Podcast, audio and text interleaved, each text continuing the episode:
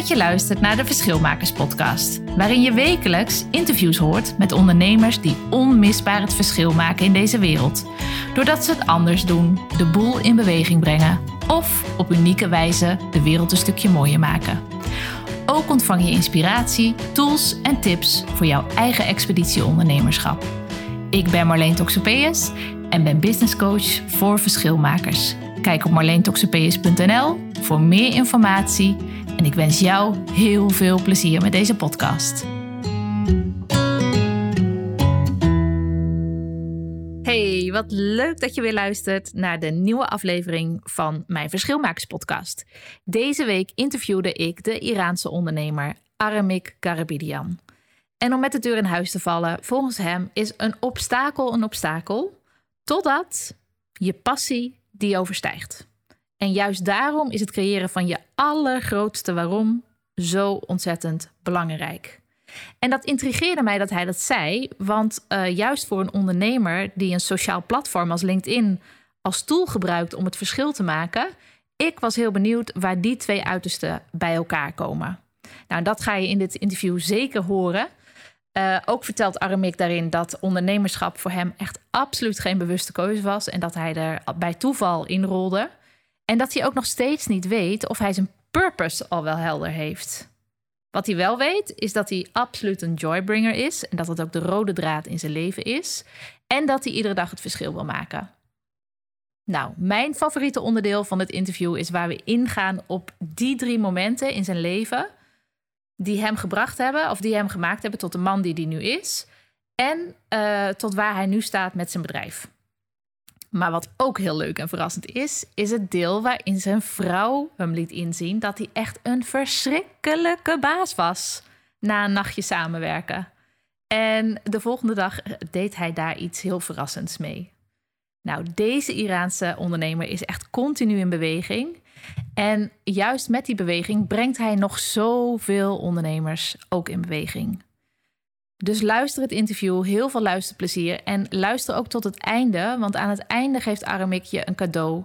Een gratis, een gratis cadeau. Een cadeau is natuurlijk altijd gratis. Uh, en dat geeft hij aan het einde van het interview. Dus zorg ervoor dat je het interview helemaal uitluistert. Ik wens je heel veel plezier met deze aflevering.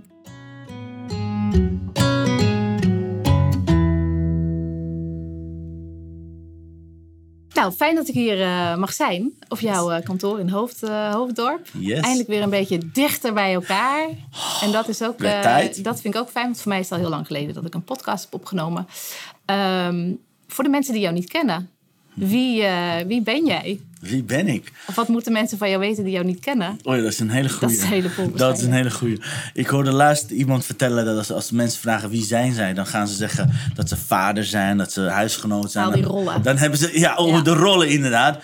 Dus wie ik ben, ik denk dat ik. Uh, dat ik geboren ben om het verschil te maken. Laat ik daar gelijk met de, met de podcast daar goed mee beginnen. Sinds ik me kan herinneren is dat wat ik heel graag doe. Of het nou dansen is, of het zingen is, entertainen is, trainen is, training geven is, teamleiden is. Business coaching is, call it whatever you want. Want dat, dat zit echt in mijn bloed. Ik denk dat ik heel gepassioneerd ben. Ik ben ontzettend gepassioneerd over dingen die me aan het hart gaan. En ik ben echt een non-conformist. Dus als ik, als ik een idee heb, als ik een visie en missie heb, dan kan je hoog en laag springen. Dan kan je mij afbranden. Dan kan je mij voor schut zetten. Dan kan je mij openlijk, ah, whatever you do, I really don't care. Je dus gaat ervoor. Ik, ik, ga ervoor en ik hou het vast. Het is niet zo dat ik heel snel verander van mening. Okay.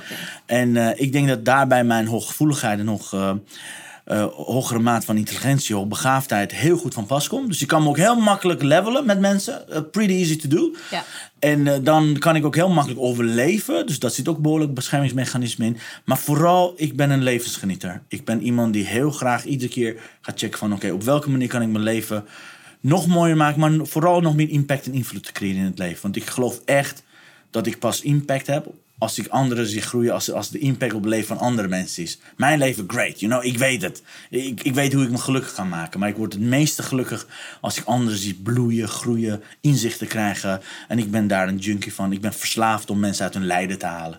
Ja. Zei ooit Tony Robbins ineens van Van lijden naar bloeien. Van, ja, maar, maar, maar dan ook echt gewoon hoogste potentie, hoogste level van potentie te halen. Daarom heet mijn, een van mijn taglines is turning your passion, potential and purpose into profits. Dat, wat, wat mensen echt geboren zijn om te doen. Ja. En als ik ze dat kan helpen om te laten zien dat ze het doen, dan, ja, dan word ik helemaal, ah, dat is echt, mijn, Is dat, dat, dat, is echt een van mijn Ja. grootste passies. Ja, absoluut. Hey, je zegt, ik ben een geboren, een geboren verschilmaker. Wanneer was de, het eerste moment dat je dat voelde? Want voor heel veel mensen is verschilmaker... Ik ben ook voor de verschilmakers. Ik heb er een podcast over. Maar voor heel veel mensen is het abstract en is het heel groot. Je moet een Nelson Mandela zijn om een eh, verschilmaker te zijn. Maar wanneer was het eerste moment in jouw leven dat je dacht... oké, dat verschil maken, of wat voor woordje er toen ook aan hing... Ja. dat je dat voelde? Dat ben ik, dat heb ja, ik. nou ja, ik denk dat van kleins af aan al. En ik, ik noem dat, later ben ik dat achterkomen welke andere woorden, andere rollen dan voor significant, hè, significant, zoals Tony Robbins dat mooi noemt. Een van de human needs is, zit bij mij heel hoog. En ik, heb, ik ben ook geboren in een eh, heel, heel vooraanstaand Armeens gezien. Ik was het eerste kleinkind, ik was het kind. Snap je? Ik was, ik was de koning. Ik was nou, nog, nog na keizer, koning, alles bij elkaar en dan tien. Zeg maar, Ja. zo werd ik op handen gedragen Ja. toen ik geboren werd. Dus ik denk dat mijn eerste drie, vier jaar heeft echt in het teken gestaan... mijn plek als een heel bijzonder iets ervaren. Ik, ik zat echt op de kroon. Ja. Als het bij mijn ouders niet lukte, ging ik naar mijn opa en oma. De ene kant, dan niet de andere kant. Als tantes, ooms. Het was een heel hecht gezin. En, en, en het was in de tijd van oorlog, dus we zagen elkaar heel Nog veel. Dus weet je, ja. kijk maar in deze tijd, mensen gaan naar elkaar groeien. Dus dat wordt het nog hechter. Dus ik denk dat ik vrij snel in de gaten had dat ik door middel van mijn charme, door middel van mijn entertainersgehalte, door middel van, van gewoon wie ik was, zeg maar, dat ik redelijk snel mensen kon laten lachen, maar ook kon laten huilen. Ik ben ook een ontzettend goede manipulator. Zo heb ik mezelf ook getraind, kom ik er later Ja. achter. Ik wist exact wie ik tegen wie moest uitspelen om exact te krijgen hetgene wat ik wilde. Ja. En daar, ja, dat, dat was wel behoorlijk vroeg erin. En ik heb ook toen geleerd ook hoe ik moet naar, naar buiten toe treden. Bijvoorbeeld als er liedjes eh, eh, in Armeens gezien, maar, we hebben heel veel feesten. Echt bijna wekelijks heb je feesten. Wij weten hier niet wat feest is. Ik, Dat ik is zou dat, die vergelijking niet, niet vertellen. Nee, Hele grote tafels en dat soort dingen. Mensen eten al die dingen. Maar er werd heel vaak op jongeren, van jongeren gevraagd dat ze een bijdrage konden leveren. Of door middel van een gedicht voor te Ja. lezen. Of iets te zingen. Of, of, of beide. podi- podium gegeven. Podium, ja, ja, Ja. ja. Want want kinderen, dat zijn de toekomst. Ja. Weet je, dat is echt... We zijn als Armenië zo klein in een heel islamitisch land... dat alles wat met cultureel ontwikkeling te maken had... alles met, met, met poëzie te maken had, met literatuur te maken had... met liederen te maken had... dat werd echt in leven gehouden. Want dat is de Ja. enige manier om te overleven. Hoe zorgen dat je intern groeit. Dus dat, dat heb ik vrij snel in de gaten gehad. En ik vond het super gaaf om ook daar echt allerbeste in te zijn. Daar ook echt vrij extreem... Want ik kreeg heel veel aandacht. Dus ik wist, oh, wil ik meer aandacht? Dan moet ik nog beter leren, leren, Ja. leren voor, voordragen, zeg maar. In Nederland voordragen bestaat niet, zeg maar daar. Ja. Amerika Ja, ja, ja, ja. debatteren, know, zo'n speech doen. Eh, ja. Ja, dat is echt een vak. En dat is ook echt een Ja. vak. Dus ik heb vrij snel in de gaten gehad van, nou, dat vinden mensen fantastisch. Als ik daar nou vaker ga doen, als ik liederen uit mijn hoofd ga leren, als ik die voordracht uit mijn hoofd kan leren, nou, vrij snel werd ik overal aan tafel. Ik kon bijna niet meer met kinderen spelen. Ik werd gewoon op, door opa's en opa's, hele trotse opa's en oma's, die, weet je, half beschonken, die zeggen, ja, kom maar hoor, vertel maar dat lied, weet je, uit, uit hun jeugd, weet je. Dan Ja. leerde ik dan uit mijn hoofd. Ja. Dus daar, daar dat zat vrij snel in. Ja, Dat is voor mij wel een beetje herkenbaar, want eh, ik heb een Portugese man. En Ah, dus kijk. Portugese eh prinsjes. Yes, absoluut. En de familie in Portugal. Temperament, echt, eh, vol. ja, en ook eerste kleinkinderen. En die zijn Oh, geweldig. helemaal, worden helemaal gedragen. En mijn kinderen die veranderen ook. Als ze, als ze daar zijn, dan, eh, dan weten ze dat ik wat relaxter word, et cetera. Dat ik het een beetje los Jij veranderde dus ook. ik verander, ik verander tegenwoordig ook. Dat is relaxter voor iedereen. Ja. En eh, eh, dat ze ook... oh, oh, krijg ik het bij jou niet voor elkaar?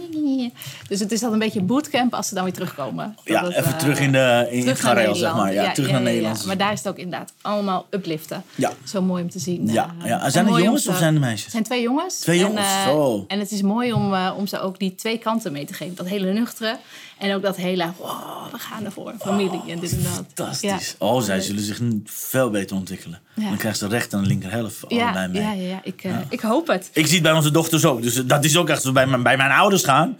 Holy piep. Ja. dat is echt. En daarna gewoon terug in de strafkamp hoor. Oké, Ja, nu gaan we doen zoals wij het de grond. Die worden eruit geknipt, dames. Zowel op video als op audio.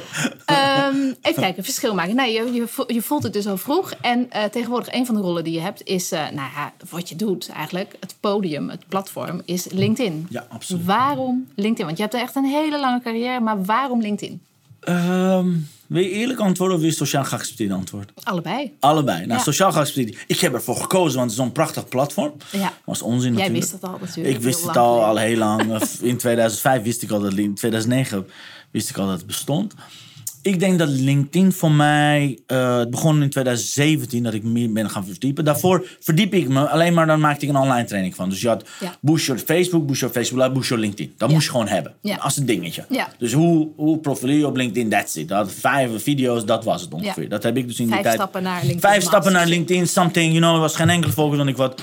Ik deed de social media coaching of het was, het was something else wat ik deed. Dus tot 2017 was het een onderdeel, klein onderdeel van, van hetgene wat ik aanbod. Maar ik denk dat 2017, wat er ontstond. Wij zijn naar Spanje gegaan. We, hebben, we zijn in Spanje af en toe begonnen. We hebben alles hier verkocht, verlaten, daar naartoe gegaan. En we zijn binnen zes maanden teruggekomen. Met min zoveel schulden, met min zoveel illusie armor. Maar heel veel ervaringrijker. En ik heb toen echt voor het link. Ik heb echt toen naar mezelf gaan kijken. Dus ik doe heel veel aan zelfreflectie. Van wat zijn nou. Als ik, als ik mezelf, met mezelf zaken zou doen. Als ik mezelf zou beschrijven. Welke dingen zijn er waar ik echt totally in mijn genius zone zit. Wat doe ik gewoon eigenlijk? Twee vingers in mijn neus. Kan ik dag en nacht. Sowieso kan ik dag en nacht overal over praten. Maar wat is hetgene wat ik heel graag doe. Wat in mijn genius zone valt? Ja. En een van de dingen is netwerken. Ik, ik vind netwerken fantastisch. Voor draad. online. Absoluut. Vooral online. Offline heb, train ik mezelf. Want ik ben heel verlegen en introvert. Maar online is het heel makkelijk. Ik, ik ben in control. Ik schrijf berichten. Mensen Ja. hebben tijd. Ik heb tijd. Ik hoef niet altijd te reageren. Dus controle ligt bij mij. Ja. En toen heb ik gezegd, oké, netwerken, fantastisch. Ik had niks meer. Ik had geen community meer. Ik had geen geld meer. We kwamen terug. Helemaal koude douche. Nou, tien keer erger. Kwam terug naar Nederland. Oké, wat ga ik doen? Wat is nou hetgene wat ik net heb gedaan wat mislukt is? Geen systemen, geen veiligheid en ik had geen database. Al die drie dingen wat je nodig hebt om een goede business te draaien, had ik allemaal niet. Van waar een van de redenen waarom Spanje is mislukt. Toen dacht ik, oké, nu ga ik het precies omdraaien. Wat kan ik nu regelen? Dat in ieder geval qua basis, systeem overal, Ja. Spanje, Nederland, Engeland, Amerika, whatever. Overal is exact hetzelfde. Nou, Facebook, been there, done that, please. Ja. In die tijd was Instagram, ja, opkomen, maar ik vind het niet leuk. Instagram als platform. Dan ik, hey, good old LinkedIn. You know, wat lekker. Daar heb Stof ik- eraf. Seriously, dat is, nou, maar nu komt het. Oké, LinkedIn, maar dude, echt. Weet je nog, al die strakke mensen, die pinguïns, grijze muizen, al die zakelijkheid. Wil ik dat wel? Nou, let's, let's, let's check, check a test. Is, is het echt leuk? En ik ben echt onderzoek gaan doen van... Hé, hey, er was helemaal niemand. Er was helemaal niemand die op ZZP's... Die zich op de ZZP's richten. Nee. Waren allemaal in company trainers. Allemaal van die... dit, dit, dit, Nog steeds. Ja. Same people. Ja. Nou, nu zitten ze allemaal... Nou ja, nu hebben ze een slechte tijd achter de rug. Want ze werden altijd in company getraind. Of ze werden... Dus eh, al die zaken. Maar ik dacht, you know what? Er is een gat in de markt. Mijn doelgroep ZZP's heeft geen enkel idee wat LinkedIn als goudmijn heeft. Maar ja, Maar je hebt het zelf ervaren, denk ik. Dat het, om dat te het, eh, ik ben er niet een preacher. Ben ik als ik resultaat heb, kan ik heel goed. Maar hey, ik moet resultaat hebben. Guess what? Ja. Ik, ga, ik ga testen. Dus ik heb toen in mei 2017 heb ik hashtag Let's Connect, Connect bedacht. En toevallig kwam ik later bij, bij mijn poolmensen die dat nog meer uit, samen gingen uitbreiden. Toen dacht ik, weet je wat, iedere dinsdag zet ik gewoon een bericht op LinkedIn van jongens, ik open mijn netwerk. ja. Dat had ik geleerd van mijn grote mentor Nissan al tien jaar geleden. Die zei, weet je, open je netwerk. Vertel, jongens, als je iets nodig hebt, laat het hier weten. Connect met elkaar. Eerste dinsdag, tien berichten, af en toe mensen. Tweede keer dinsdag, in één keer ging naar 100. Derde keer dinsdag ging naar duizend reacties. Maar mensen die helemaal gek werden, ik kreeg allemaal connectieverzoeken. Werd helemaal gek. Let's Connect als hashtag is in die zomer ontploft. Het is inmiddels weer een hype aan het worden. Of, ze hebben heel veel, heel veel hoe heet het? De- zo'n revival komt er nu weer op gang. Want je ziet het continu voorbij. Maar daar in die zomer is dat geboren. Ik dacht, wow. Dus, en wat ik altijd weet, netwerk is één ding. Enorm potentie. Ja. Maar daarnaast, ik geloof echt in eerst geven. Ik geloof echt in gratis product. Ik geloof, hey, je je hoeft helemaal niks van me te... Please, don't buy. Ik, zeg, ik ben eerst die zegt, niet kopen van mij. Als je het niet geproefd hebt. Ja. Dus hoe kan ik dan dat stukje netwerken... om ten in mijn andere liefde training geven? Want ik Ja. wil mensen, you know, online is leuk... maar ik wil ze in mijn zaal hebben. Als ik je nu, net als nu, jou in de ogen heb gekeken... hebben we een gevoel. Ja. Hebben we veel meer vriendschappelijke connecties. We hebben nu al ongeveer 585 gemeenschappelijke dingen... die we ontdekt hebben. Ja. Maar met een zaal werkt dat veel beter. A, als een gevoel. Maar B, ik kan het opnemen. Ja. C, ik kan testimonial feedback vragen. D, baat het niet, schaadt het niet. Heb ik tien nieuwe connecties gemaakt. Ja. Ik kan daar foto van maken. Inmiddels ken ik mezelf. Ik kan daar een heel template van maken. En op die manier ben ik in 2017 begonnen. Nou, ik kan je vertellen. Eerste training was 28 september 2017. Wij kwamen 24 augustus uit Spanje. Dus binnen vier weken had ik, had ik echt zo'n credibility, zo'n geloofwaardigheid opgebouwd. Dat er, volgens mij waren er acht of negen mensen in de training. Wauw. Om de twee weken heb ik dat gaan doen. Dus om de twee weken, dus sept- 28 september, 15 oktober, 1, 1 november. Dus nou, en op die manier gaf LinkedIn mij binnen, eigenlijk binnen, binnen 30 dagen al het bewijs van: hé, hey, er is een gat in de markt. Dus heel veel behoefte. En wat ik eigenlijk als eerste had moeten zeggen, ik vind het ontzettend leuk. Want dat vind ik altijd belangrijk. Als ik En wat is het wat je er leuk aan vindt? Is het die verbinding? Of wat? een verbinding kan ook op Facebook, maar wat ik heel fijn vind is dat er eh, bij LinkedIn, omdat het een heel oud systeem is, is niet hypegevoelig. Ja, af en toe. Nu ook met die Ja, Let's Connect, ja, nu ook met allerlei gezeik over. Nu zijn mensen die over emojicons overal aan het taggen zijn. Ik word nu tegenwoordig, nou, whatever, maar over een maand is het weer over. Gaan mensen weer over, want de corona, niemand heeft wat te doen. Gaan ze al dat soort dingen. Ik, ik vond LinkedIn het minst gevoelig voor hypes. Ik vond LinkedIn het minst gevoelige voor, voor, voor zeg maar trends. LinkedIn is heel oud, dus het systeem verandert niet echt heel snel. Nee. Ik ben al twee jaar training aan het geven over LinkedIn Live. Wat Ja. nog steeds niet is. Nee, in iedere masterclass, in iedere backend training zeg ik... Oké, we gaan het vandaag hebben over hoe zorgen dat je LinkedIn Live kan doen. Want die verwachting is dat. Ja, al twee ja. jaar. En iedereen verklaart me van... Dude, je hebt twee jaar geleden gezegd... Ja, ik heb het nog steeds niet. En in één keer heb je LinkedIn Stories. Hoe dan? Dus Dat wat... is de laatste tien jaar gebouwd. natuurlijk. Ja, waarschijnlijk. Of waarschijnlijk hebben ze er van voren gezet vanwege de corona. Maar wat er gebeurd is, is omdat het zo'n traag systeem is, heeft een totaal ander algoritme wat bij mij past. Ja. Namelijk een hele langzame, duurzame. Ja. Je berichten, wat op Facebook ongeveer een uur in je tijdlijn blijft, kunnen op LinkedIn tussen de 14 en 21 dagen Ja. hebben ze bestaan zeg. Dus als je een bericht hebt gepost vandaag, kan je nog over drie weken daar likes, reacties en bestaansrecht van creëren. Nou, Ja. dat is goud. En dat weet niemand. Nee. Heel weinig mensen beseffen wat, dat daar de kracht van LinkedIn is. Dat is één. Tweede, LinkedIn is het enige platform dat je kan kijken wie op je profiel heeft gekeken. Ja. goud. Ja, ja, ja, daar kun je veel... daar eh, komen 80% van mijn connecties, 80% van mijn leads, 80% van mijn klanten komen uit wat ze nieuwsgierig he- heeft gemaakt ergens, over mij of whatever het is. Zijn op mijn profiel gaan kijken. Ja, als je eenmaal op mijn profiel bent, dan ben je van mij. Ben je erin gezogen. Ja, precies. Snap je? Dus dat is denk ik zowel na de voordeel van LinkedIn is omdat het ook oud is. Ja, de ontwikkelingen, ja, die laten even Ja. op zich wachten. Dus het was eerst het gevoel van Ja. dat, eh, dat je ook eh, voelde van oké, dit werkt. Yes. En ook ehm eh, dat het bij je resultaat. past. Een resultaat. Ja, Ja. ja. En, ehm, maar wat, voorheen heb je andere dingen gedaan. Ja. Ehm, wat is de, de rode draad erin? Is het die verbinding? Of is het, wat is de rode draad van alles wat je gedaan hebt in je, in je leven? Dat is een hele mooie. Ehm, ik denk dat een van de rode draad kan verbinding zijn, maar ik denk dat er iets hoger is. En dat klinkt heel afgezaagd als liefde. Mhm. Ik denk dat ik echt een liefdebrenger ben. Ik noem het joybringer om het rustiger te brengen. Dat mensen Ja, niet ja, denken van, ga je doodknuffelen, whatever. Want Ja. dat wordt heel vaak, heel vaak zo op die manier gezet.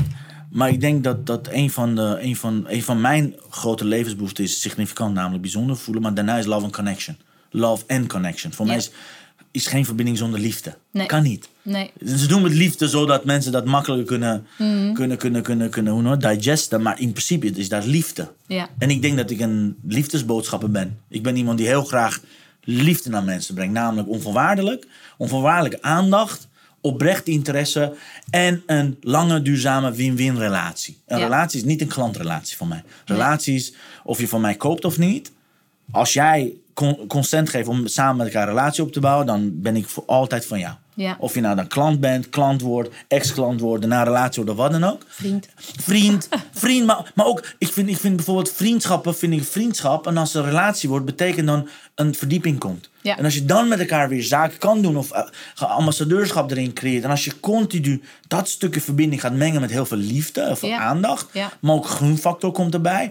Daar komt heel veel, heel veel, again weer, liefde, wederliefde, komt wederkerigheid. Ja. Ja, dat, dat, zijn, dat zijn zulke mooie rode draad. En, en ik denk, een van de dingen die ik heel belangrijk vind, is, is being a servant. Ik ben de, ik ben de bediende. In Ja. Engels klinkt dat veel beter. De, vandaar ook Toen- geven. Of Vanuit geven. Ja. Ik, ik, Ja. ik voel me altijd, als mensen naar mijn training komen, naar een webinar, ik ben de bediening. En dat komt om de horeca. Ik wil iedereen naar de zin maken. Ja. Ik wil dat je welkom voelt. Ik wil dat je krijgt wat je, wat je vraagt. Als je een lekker biefstuk wil of als je een kopje thee wil of wat dan ook. Dat je echt krijgt waar je, waar je weer zin hebt. Ja. En daarnaast met een glimlach naar buiten gaat. Ja. Dus hoe je binnenkomt, wil ik eigenlijk dat je tien keer gelukkiger naar buiten gaat. Ja. Lukt niet altijd, Ja, want soms confronteringen. zo-. Ja, ja, again, again. Dus dat, dat weet je dat. Maar, maar dat is denk ik achterliggende gedachte. Want dan Heb ik iemand blijer gemaakt dan alleen maar een salesgesprek of een podcastinterview of, Ja. een, of een eenmalig Maar dat something. ook weer. Dat is, dat is niks. Veel, ja, en dat doen eh, te veel mensen. Ja. En ehm, als ik het... Maar dit is, dit is eigenlijk een aanname. Maar ik wil hem er wel even in I love them. Ja. Gooi maar die. Ehm, Het kan tegengebruikt worden, want we nemen het op. ja, precies. Beide dat kanten ook. maakt het extra. En ik knip ook nooit trouwens hoor. Dus ik, eh, Ik ook niet. Shit. Mijn aanname is eh, dat, dat jij, ehm, voordat je je purpose had, ja. dat je, dat je je purpose misschien gevonden hebt zo tijdens wat je aan het doen Dus je denkt dat ik mijn purpose gevonden heb? Nou, Dat weet, ik- dat weet ik niet. Maar Ik ben jij niet. begonnen eh, vanuit, oh, ik wil het verschil maken met ondernemen? Of ben jij erin gerold en ben je gewoon nu aan het voelen en aan het kijken en aan het... eh, Alles een beetje, maar dit was absoluut geen bewuste keuze ondernemerschap. nee, hè? Ik ben nog steeds. wel mooi om te horen. Ja, ik ben, ik ben nog steeds eigenaar van Hemkade. Vooral Pelle, een van de jongens. eh, ben ik nog steeds dankbaar dat hij zei: Ja, vriend, je werkt zo hard. We geven de helft van jouw salaris geven aan een payrollbedrijf. Ga alsjeblieft naar KVK. Regel je dingen. Schrijf je in. Ik heb hier de boekhouder. Hij gaf zijn boekhouder Ja. aan mij van. Want ik zei: Ja, boekhouder. Hier heb je hem. Hem 35, eh, wat is het, 35 euro per uur. Regelen je shit. Ja, hoeveel kost dat per jaar? 350. Nou, dat is wat je kost. Nou, bij bij ons verdien je iets meer. Dus één avond geef je aan hem. Hij regelde eigenlijk bijna dat ik zei dat het bijna een verlies-verlies was als, als hij door zou gaan. Want eh, hij vond de payrollen vond, vond vond oké. Alleen in mijn geval, want ik werd een van zijn rechterhanden, zei hij ja, ik vind het zonde. Man, van ga het gewoon regelen. ja. Je verdient het. Want die Ja. zag hoe... En ik ben een harde werker. Dus door pellen ben ik, ben ik me gaan inschrijven als, als, als ondernemer. Terwijl ik eigenlijk daarvoor al... Kan je nagaan, ik heb opleiding, ondernemersopleiding gedaan bij Nissan. bij op Circus Academy. Ik heb de Master Entrepreneur Financial... Ik heb zoveel dingen gedaan wat met ondernemer strategisch te maken had. Maar ik heb me nooit ingeschreven. Ja. En wat was dan het moment? Nou, dit was natuurlijk het moment. Want Pelle, Ja, die, dit was die zeg maar aan, die- totaal... Die, Die, duwde, het mij, die zegt... joh vriend, Maar waarom, wanneer ben jij dan, of wat heeft gemaakt dat jij eh, overstapte van, eh, oké, ik eh, ben nu eigenlijk nog payroll, maar dan, Exact. Ik ben gewoon een, eigen ondernemer. Laat belastingdienst niet weten, maar het is ar- arbeid... Dat is een woord voor. Verkapte arbeid, Ja, something, precies. Naar relatie. zelf creëren. Wat, wat, was, wat was de duw in die richting? Ik denk dat de duw kwam nadat ik bij Hemkade was weggegaan. Doordat mijn vrouw zei tegen mij, nadat ik haar een keertje had meegenomen... Lieve Chantal, als je dit hoort, nou, bless your soul. Ik heb haar ooit meegenomen naar een evenement met 6000 mensen... op de NS NSDF-werf in Amsterdam-Noord. Ja. Dat was... eh, dat was, nou, ik zal het naam niet noemen, maar dat was een groot feest. En ze zat op VIP, want ze, heeft, ze is purser bij KLM. In die tijd ook al. Ze zei, nou, kom je VIP, dan ben je VIP-hoofd. En ik was de floor manager. Nou, om, om, we waren net echt met elkaar, net half vijf maanden of zo. Nou, ik dacht, weet je, dat kan ik laten zien. Nou, ja, een beetje, behoorlijk. Even laten zien hoe Hitler zich beweegt. En het was zo grappig. Het het was heel druk, whatever, 6000 mensen. Hartstikke lekker weer, by the way. Dus mensen gingen helemaal uit hun dak. En op een gegeven moment heb ik haar... We waren rond uur of vijf 's ochtends, eh, zeg maar, eh, klaar met werk. Dus we liepen naar de parkeerplaats. Ik ben naar mijn auto gegaan. Iedereen was al weg. En toen heb ik haar vraag gesteld die ik nooit had moeten doen. Maar juist, dus iedereen beveelt het aan. Als je man en vrouw hebt waarvan je denkt... hé, hey, ik zal die even porren, kijken of die goed zit. Stel vooral die vraag van... hoe vond je dat ik het deed? Was mijn vraag aan Chantal. Ja. En Chantal kennende, die is een gewoon lekkere, heerlijke, nuchtere Fries. Die gaat mij niet pleasen. In- Ook niet om vijf uur 's ochtends. ook niet om vijf uur 's ochtends, ook niet. En ik herinner me nog, zij zei, wil je dat echt weten? Ik, ik dacht, ik zat helemaal high in mijn Eh, energy. ja? Ja? doe maar, wat kan er misgaan? You know? Ik heb keihard gewerkt, ik vind je leuk, we zijn net Iedereen samen, verliefd. aan het ja, einde. nou niet, niet, daar dus niet. Dat is Hemka, dat is heel hard. Dus dat waren allemaal... Maar ik was heel tevreden, laat ik zo zeggen. In mijn, in mijn, op, in mijn Jouw optiek... ego was gestreeld. Jouw, Ah, eh, het wil, weet je, ik, ik heb daar bijna tien jaar gewerkt. Het was niet eens zo. Ik wist het zeker. Het was niet eens Ja. een ego. Ja, ja, I ja. knew it. Ja, Eh, ja, ja. Hoezo? Wat bedoel je? Net een event gedaan, succesvol. We hadden, wat is het, 30 man personeel. Vanuit mijn pool had ik daar. Dus ik Ja. was heel succesvol, dacht ik. Ja. De ego was er niet. Die, Ja. Ik zag het niet eens als ego. En toen zei ze: Nou, ik, heb, ik herkende je niet. Ik heb je geen één moment zien lachen oh, wauw. geen één moment naar je zin hebben. Ik vond het verschrikkelijk om met jou te werken. Je bent een verschrikkelijk baas. En dit gaat ze ontkennen, ontkent ze nog steeds. Dat Oh, ze zei dat ik Hitler... gast was, maar ze Nee, met ze werkte met mij. Ze moest gewoon Oh. werken. Toen zei ik, hoe vond je dat ik het deed? Toen zei ze, nou, je bent een verschrikkelijke baas. Je je was Hitler. Dit ontkent ze dat ze dat gezegd maar ik weet Ja. zeker dat het was. Ja. Misschien heb ik bedacht zodat ik kon stoppen. Ze zegt, ik vond het verschrikkelijk. Oh my god. Heb je het naar je zin gehad? Ben je zo wel... Maakt het jou gelukkig? Op die manier. Het was 5 uur 's ochtends, 11 juni 2011, als ik me niet vergis. 12 juni zou een concert zijn van Kane, Akdan de Munnik, Van Dikhout en ik mis nog een band, Anouk volgens mij, op dezelfde plek. Dus de eerste dag was een ander event en de tweede dag was een maar Nederlands staat, zaterdag, zondag. Het was, dus, het was een zaterdagavond event. En ik heb toen mijn broertje, mijn businesspartner en een andere businesspartner gebeld. Die over de, over de horeca ging, over de barhoofden, wat we eigenlijk deden. Plus personeel. Ik heb gezegd, nou jongens, ik kom niet. En met ik kom niet, heb ik, de week daarna ben ik naar Hemkade geweest. Met de jongens van de productie heb ik gezegd, dit was het. Dit is mijn broertje, dit is businesspartner. Doe zaken met ze. Wat je wil, ik stap eruit. Ja. En 11 juni 2011 was de allerlaatste keer dat ik ooit iets in evenementen heb gedaan. Dat was het. Klaar. Ja. Wauw. Ja, dat was echt heel hard. Ja. En dat is het moment dat, nou ja, dat, dat, dat ik besefte, oké, Dus to change something, I need to change something. Dus ten eerste, je hebt een goede vrouw. En ten tweede, je luistert ook naar haar. Dat is... eh, Die, kwam, die, die was bijna niet te missen. Nee. En ze zei het op een hele zachte manier. Ze was Ja, echt ja, heel ja, relaxed. Ik bedoel, ik zou totaal con- confronterend, boos al. Maar ze was gewoon ontzettend lief, zoals ze altijd is. Als ze mij iets moet gaan brengen dat ik echt luister. Dan, dan, en die kwam keihard binnen. Ik dacht, Ja. En, en eigenlijk wat ze zei, is eigenlijk wat ik al wist afgelopen twee, drie jaar wist. Ik deed gewoon twee oordoppen in. Ik deed hetgene wat ik Stapte moest doen. in je rol. Stapte in mijn rol. eh, ik deed wat ik moest doen op de highste level. Ik bedoel, alle uitzendbussen kennen me nog steeds. Ja. Als ik arena kom of voor Hemkade zou komen. Nu zeggen ze, oh, dat is Hitler weer. Ja. Zo, zo was mijn. Mijn, mijn rol. Of zo, zo, zo streng was ik. Maar zij, zij liet me zien van, ben je wel, is dit, mooi. is dit... Is wel herkenbaar. Ik heb ook in de evenementenwereld gezeten. En eh, onder andere, wij zijn elkaar Ja. indirect tegengekomen bij het huwelijksfeest van de Maxima en Alexander. Geweldig, hè? Jij bij de arena en ik bij het productieteam. Maar ehm, eh, als ik terugkijk op die periode, was ik vooral keihard aan het werken. En eh, alleen, maar voor alleen maar voor anderen ook. Ja. En had ik niet, had ik niet eh, veel plezier. Nee. Ik durf te wedden, als ik, er, ik ben nog nooit teruggegaan, maar als ik er terug zou gaan, zou ik dat continu zien bij iedereen. Ja, Ze zitten, we, we zaten allemaal in een tunnelvisie. ja. Allemaal. Ja. 18 uur, 19 uur werken. Oké. was de normaalste zaak van de wereld. En niet zeuren, maar poetsen. En, en ik weet zeker, als ik vijf uur toen we naar huis gingen, dan zou ik de volgende dag om acht uur weer daar zijn. Ja, Een paar uurtjes slapen en dan kom je terug, want de volgende evenement ja je staat. moet weer eh, keihard door. Ja, en zo ging het ieder weekend bijna. Maar dat knallen is wel een mooi bruggetje. Want eh, als ik jou zo een beetje aan de zijlijn volg, dan lijkt het alsof jij nog steeds keihard knalt. Hoe houd jij eh, balans tussen eh, werk, vrije tijd, vrienden? Hoe houd, jij, hoe houd jij balans over je leven? Ja, om, om balans te houden moet je eens daarin geloven.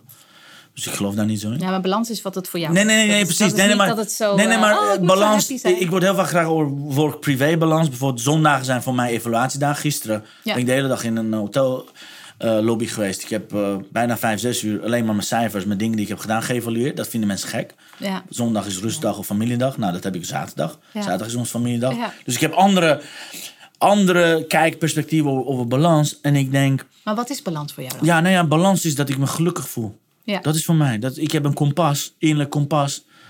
En, en die, die, die is onuitputtelijk, bijna zou ik zeggen. Ja. Die, die is zo geïnspireerd. Dus het moment dat ik minder geïnspireerd ben, dan weet ik, oh, wacht even. Even terug. Dit moet anders, ja. Nou, niet, ik voel het gewoon. Ik voel Ja. het al bijna gewoon aankomen van, ai, ja, ja, ja, dit pad. Uh, uh, uh, Ja. uh. En na vier burn-outs heb ik inmiddels wat rode vlaggen gecreëerd voor mezelf. Daar, vandaar die zondag als evaluatie. Want dan kan ik rustig zitten. Ja. Heb ik geen afleiding, heb ik geen afspraken. Ja. enige wat ik ga doen. En eerst, du- eerst is gewoon spelen. Even lekker bijkomen, checken.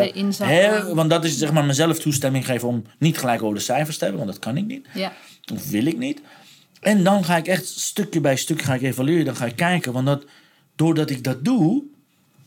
Dus terugkijken, evalueren. Maar ook vooruit plannen. Ik weet exact hoe mijn week... Exact is weer zo'n ding. Ik weet voor 80% hoe mijn week gaat verlopen. Ja. Dus geestelijke voorbereiding. Visualiseren van wat ik wil. Hoe ik dingen wil creëren. En, en omdat dat helder is. Dan weet ik, oké, I'm Ja. in charge. Dan kun je gaan. Ja, en als, er zijn dus genoeg zondagen dat het niet helder is. Dan zeg ik alle afspraken op maandag bijvoorbeeld af. Oké, nu niks doen. Dus Ja. vaker dan, en je bent in, in mijn kantoor, je bent ook de plek waar het vaker is gebeurd. Vaker heb ik ook afspraken afgezegd. Dan ben ik gewoon hier gaan liggen tegen de verwarming bijvoorbeeld. Ja. Gewoon liggen. Ik heb dan, eh, hoe heet dat, de meditation moments van Michael heb ik dan op. Dan ga je gewoon, het kan zomaar zijn dat ik anderhalf uur ga slapen. Op de grond, ja, het is hard, al die dingen. Mensen vinden het allemaal, whatever. Het moment dat ik rust jou. nodig heb, Ja. dan gaat mijn agenda geleegd worden. Dan bied ik mijn excuus aan of wat dan ook.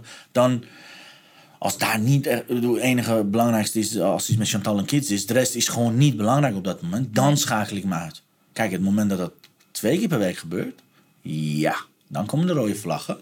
Dan ga ik iets anders. Snap je? Dus voor mij is het moment dat mijn passie wilskracht wordt, dan heb ik een probleem. Ja. Zolang mijn passie passie is, fantastisch. Ja. Dan kan ik gewoon doorgaan. En wat ik zelf heb gemerkt, wat bij mij heel goed werkt, is blokken. Blokken. Dus dagen waarbij ik dus heen perform, net als Mhm. nu. Maar je bent een uitzondering, want maandag tot 12 uur heb ik geen afspraken. ben blij dat het just, goed just, just that you know, you know? Nee, nee, nee, maar die heb ik expres gepland. Maar in principe hou ik, hou ik zelf heel erg rekening met energiemanagement. Oké, hoe voel ik me? Hoe wil ik Ja. mijn dagen hebben bijvoorbeeld? Ja. Ik merkte nu al, dat zei ik gisteren toevallig tegen Chantal. Ik heb twee vrijdagen achter elkaar gehad. Dat ik nog tot vijf uur nog aan het, aan het werk was. Dat ik Mhm. nog, nog steeds aan het, aan het performen was. Zeg maar. Ik moest wat leveren. Dat werkt niet. En, Nee. en ik had een afspraak met mezelf om de vrijdagmiddagen na twee uur gewoon leeg te plannen. Zodat ik langzaam richting de zondag kan gaan. Nou, dat Ja. merk ik nu. Dus gisteren heb ik nu aankomende twee vrijdagen, drie vrijdagen heb ik weer vanaf twee uur mezelf gewoon vrijgegeven. En dat vind ik balans. Ja. Want ik, en de meeste mensen denken, eh, omdat ze mij overal zichtbaar zien, omdat ze heel veel activiteiten van me zien, dat ik heel erg druk ermee bezig ben. Ja. Ik bedoel, voordat we begonnen, we zetten sowieso de video aan. Voordat we begonnen hebben we samen filmpjes opgenomen voor Instagram, zeg maar, video's, al die dingen. Ja. Voor mij is dat kind of fun. Dat is, zit in mijn passie. Het is niet verplicht. Nee. Het is niet, en ik ben net een 90 Day Challenge begonnen op Instagram. Dat ik iets meer mezelf laat zien en ga delen. Dus dat zit ook in. Maar omdat het naar buiten toe zo druk uitziet. Omdat het naar buiten toe zo, zo bombastisch uitziet. Dan hebben mensen altijd de aanname dat continu de highste level is. Niet zo. Dat je tot Als- vijf uur s'nachts uh, No way. e-books aan het maken bent. No way. No Nee. way. No Nee. way. No way. Dat zijn allemaal, dat zijn allemaal, allemaal, allemaal piekmomenten, low momenten. En ik denk dat ik veel meer low moments heb dan piekmomenten. Alleen, ik plan het. Ja. Ik weet wanneer ik moet performen. Ja. Ik weet wanneer ik iemand op zijn ding moet geven. Ik Ja. weet wanneer ik zacht moet zijn. Ik weet wanneer ik, oké, even low. Ja. Even een moment creëren om een blog te schrijven. Het is niet zo dat ik, als ik een blog schrijf, dat, dan, dat ik aan het stuiten ben. Dan, dan zie jij mij. Als jij mij tegen zou komen, bijvoorbeeld. Ik heb wel vaak in hotellobby's gewerkt, vind ik heel prettig. Dan heb ik twee oordoppen in. Dan heb ik mijn scherm. Dan zie jij mij niet. Dan zit niet een, Dit je bubbel om. Totally. Lekker, totally. ja. Niemand komt erin. De bediening wist het ook. Ze wisten, oh, je zat in je bubbel, dus ik heb de cappuccino ingebracht. Zij herkenden zelfs die energie wat ik had Ja. aan een leestafel in een heel druk hotel. Ja. Herkennen ze, hé, hey, ik moet hem niet storen. Nee. En ik denk dat die 80% van de tijd heb. Als ik hier zou werken, zeg maar, daar is mijn computer, dan heb ik mijn oordop in, heb ik hele zachte, relaxte klassieke muziek zonder woorden. Dan ben ik alleen maar aan het denken, mijmeren, creëren, whatever het is in mijn hoofd. Dan komt langzaam in mijn hand, kan zomaar een creatieproces van drie, vier uur zijn. Dan Ja. ben ik totally weg. En die momenten zijn veel meer aanwezig, want dat, die momenten geven mij heel veel ruimte. Dat, Ja. dat, maakt, mij, dat maakt mij krachtiger. Ja. Performing is een, is een rol. Performing is staan, gaan, totally intuïtief, helemaal verbonden worden. Dat is een hele hoge energie. Ja. Snap je? Ja. En dat ik- zien mensen natuurlijk ook. Dat is Dat ik- mensen dat- zien heel vaak is het enige zitten. wat ze van me zien. Ja. Ik, bedoel, ik ken mensen, zeker via Instagram, dat ze, dat ze niet naar mijn training komen. Omdat ze denken dat ik de hele training alleen maar aan dansen en masseren ben met mensen. Oh ja, als ik naar jou toe kom, dan eh, moet ik aan al die dingen meedoen. Nou, doe maar niet. Ja. Weet je? Nou ja, nu hebben we online heel veel dingen, whatever's. Maar als ze echt dat we naar de training zijn komen, valt hartstikke mee. Alleen het is geregisseerd. Ja, ja, ja, het is bedoeld. Het is allemaal on purpose. Bij mij, net als bij mijn mentor Nissan, is alles geregisseerd. Ja, en het is ook mooi dat je dat zegt over die blokken. Want eh, eh, ik heb dit onder andere in mijn, eh, in mijn eigen traject zitten. En het leuke is dat volgens mij 80% van de mensen niet in, in hun eigen energie zit. Of gewoon dingen doen die Mensen andere mensen zeggen. bewust. Ze kennen niet hun eigen, hun eigen ritme. Bijvoorbeeld waar ik heel erg tegenaan liep in, met corona. Dat ik gedwongen werd om, om de tijd, weet je, de, de vakken te pakken die, die er waren voor mij.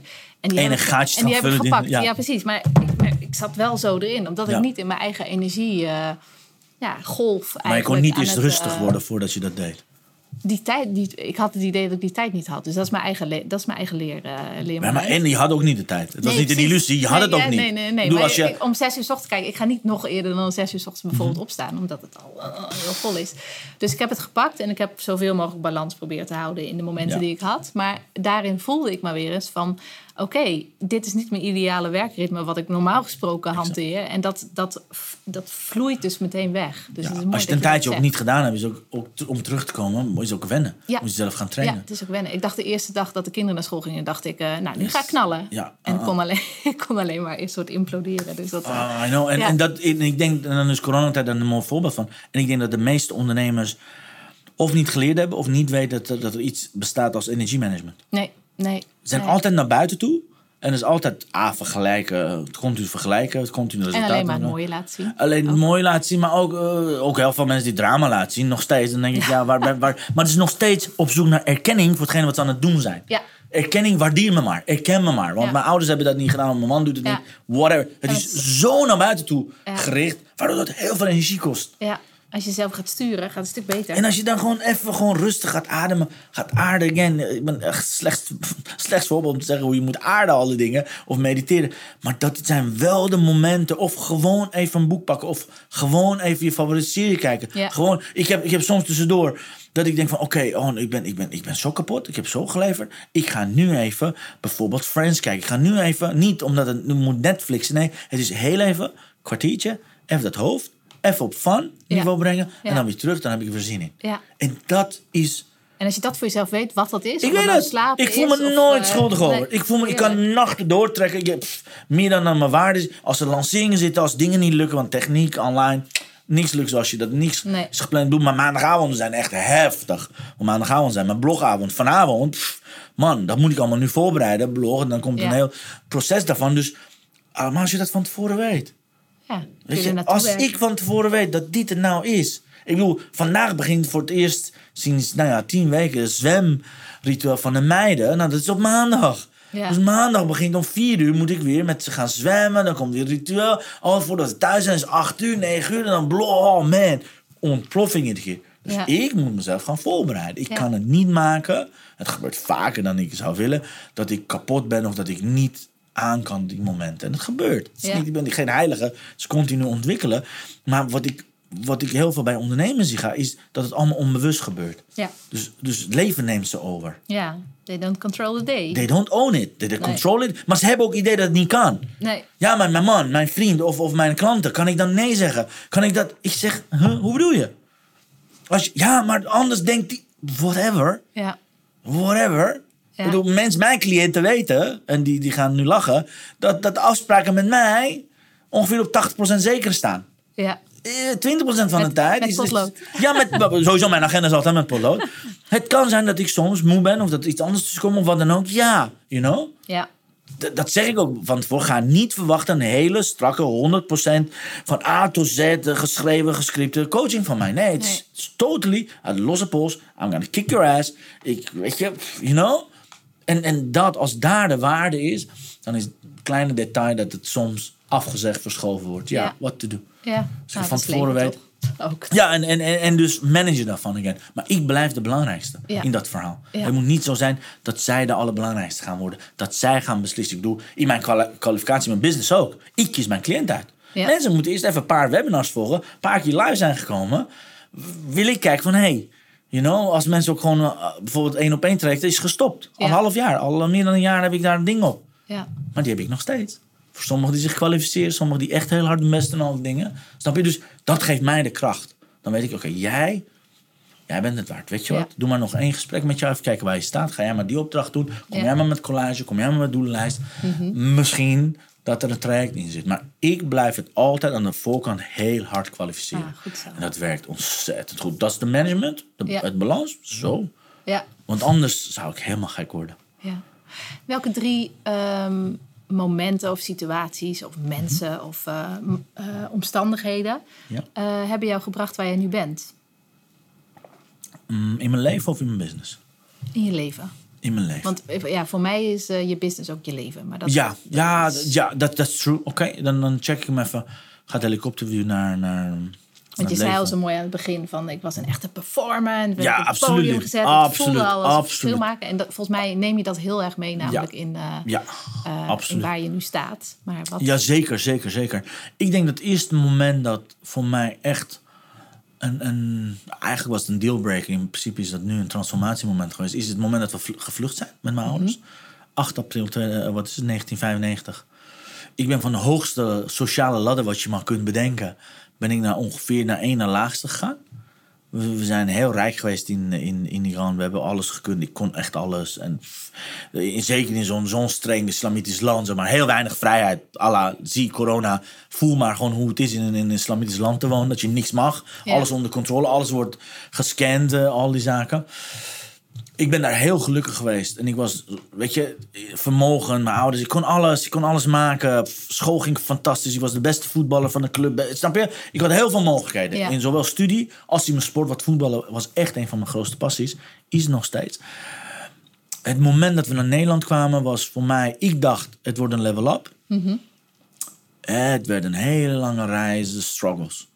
Want ik dacht, uit, uit, uit Iran vluchten, dan weten ze in Europa hoe het is. We zijn Armeens, we zijn minderheid, worden gediscrimineerd worden. You know, dat is toch obvious. Ja. Niet weten, in Nederland, zie je 1995, daar zitten Joegoslaven, daar zitten Somaliërs. Al, het, was, Ja. het was behoorlijk de golf van de Joegoslavië-oorlog. Veel leed in de Oh, wereld. heel Ja. veel. En Nederland had de grens open.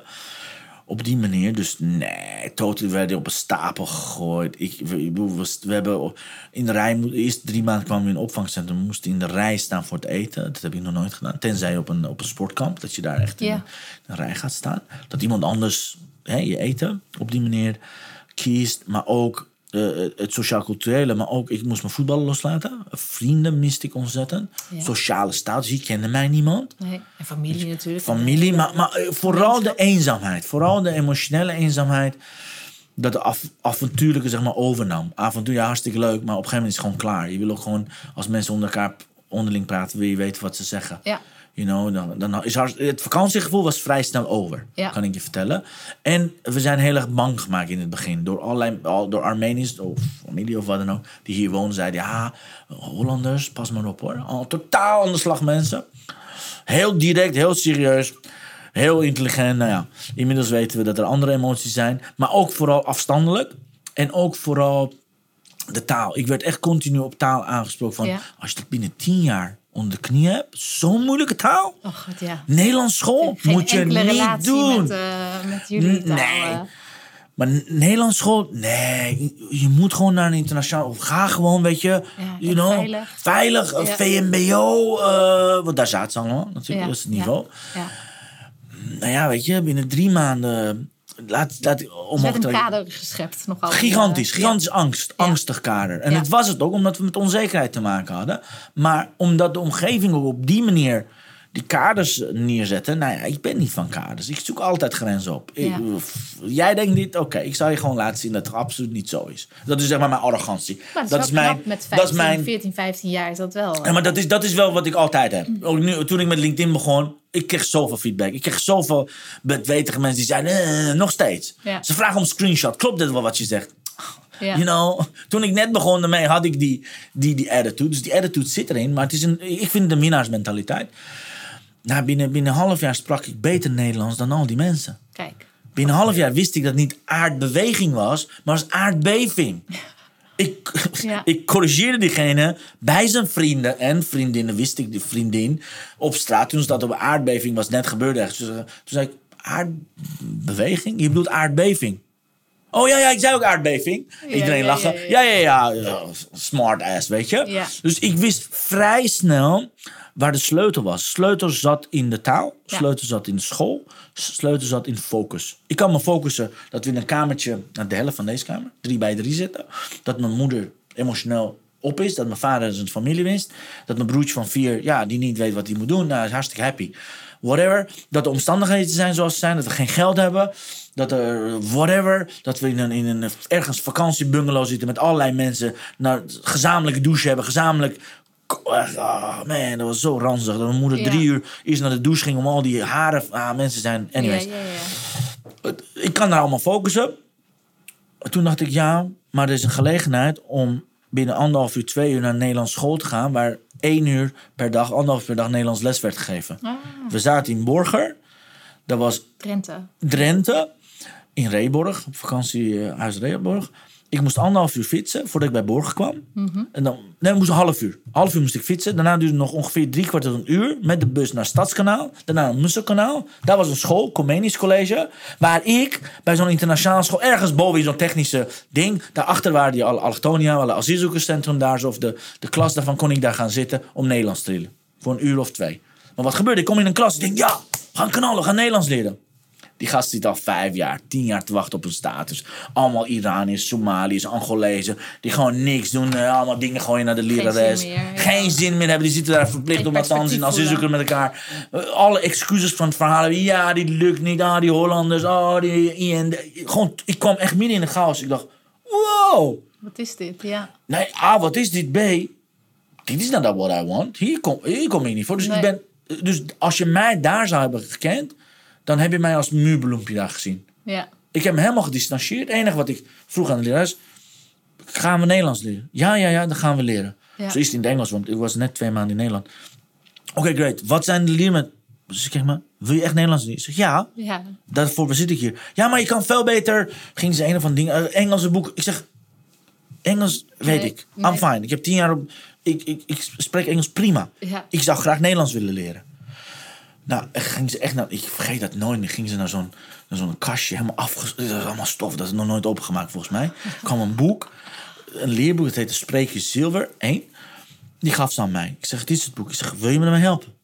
Je bent echt ziek? Ja, ik ben echt ziek. Oké, dit is het werkboek. Dit is echt het boek. iemand die wel... Nee, maar, eh, maar ze geloofde haar ogen niet. Want ze werd echt gewoon, oh, als een voor, frotte vis. Eh, Je moet je voorstellen, 20, 30 van die kinderen. Ook hoop. Ik bedoel, alle, alle redenen geef oh, ik ze. ja. Allemaal logisch, Ja, you know? Ja. Allemaal, alle, alle excuses zijn legitiem. Nou, whatever, tot zover. Maar, maar het moment dat ik daarheen ging... Weet nog dat op een gegeven moment de directrice erbij kwam, Marion. Die zei, volgens mij ben je echt serieus hierover, hè? Ik zeg, ja. Want ik had binnen een week had ik dat hele boek gewoon afgemaakt. Ja. Dat had nog nooit En iemand nu wil gedaan. ik naar een echte school. Nee, maar toen zei ze: Wow, we gaan opnieuw boeken bestellen. Maar, want de tijdschriften waren op. ja, ja, ja. ja. Ik ben alleen maar gaan leren. Oké, dus taal, Ja. succesvol worden. En je moet je voorstellen, tegelijkertijd, je had een sta- staatssecretaris Schmidt.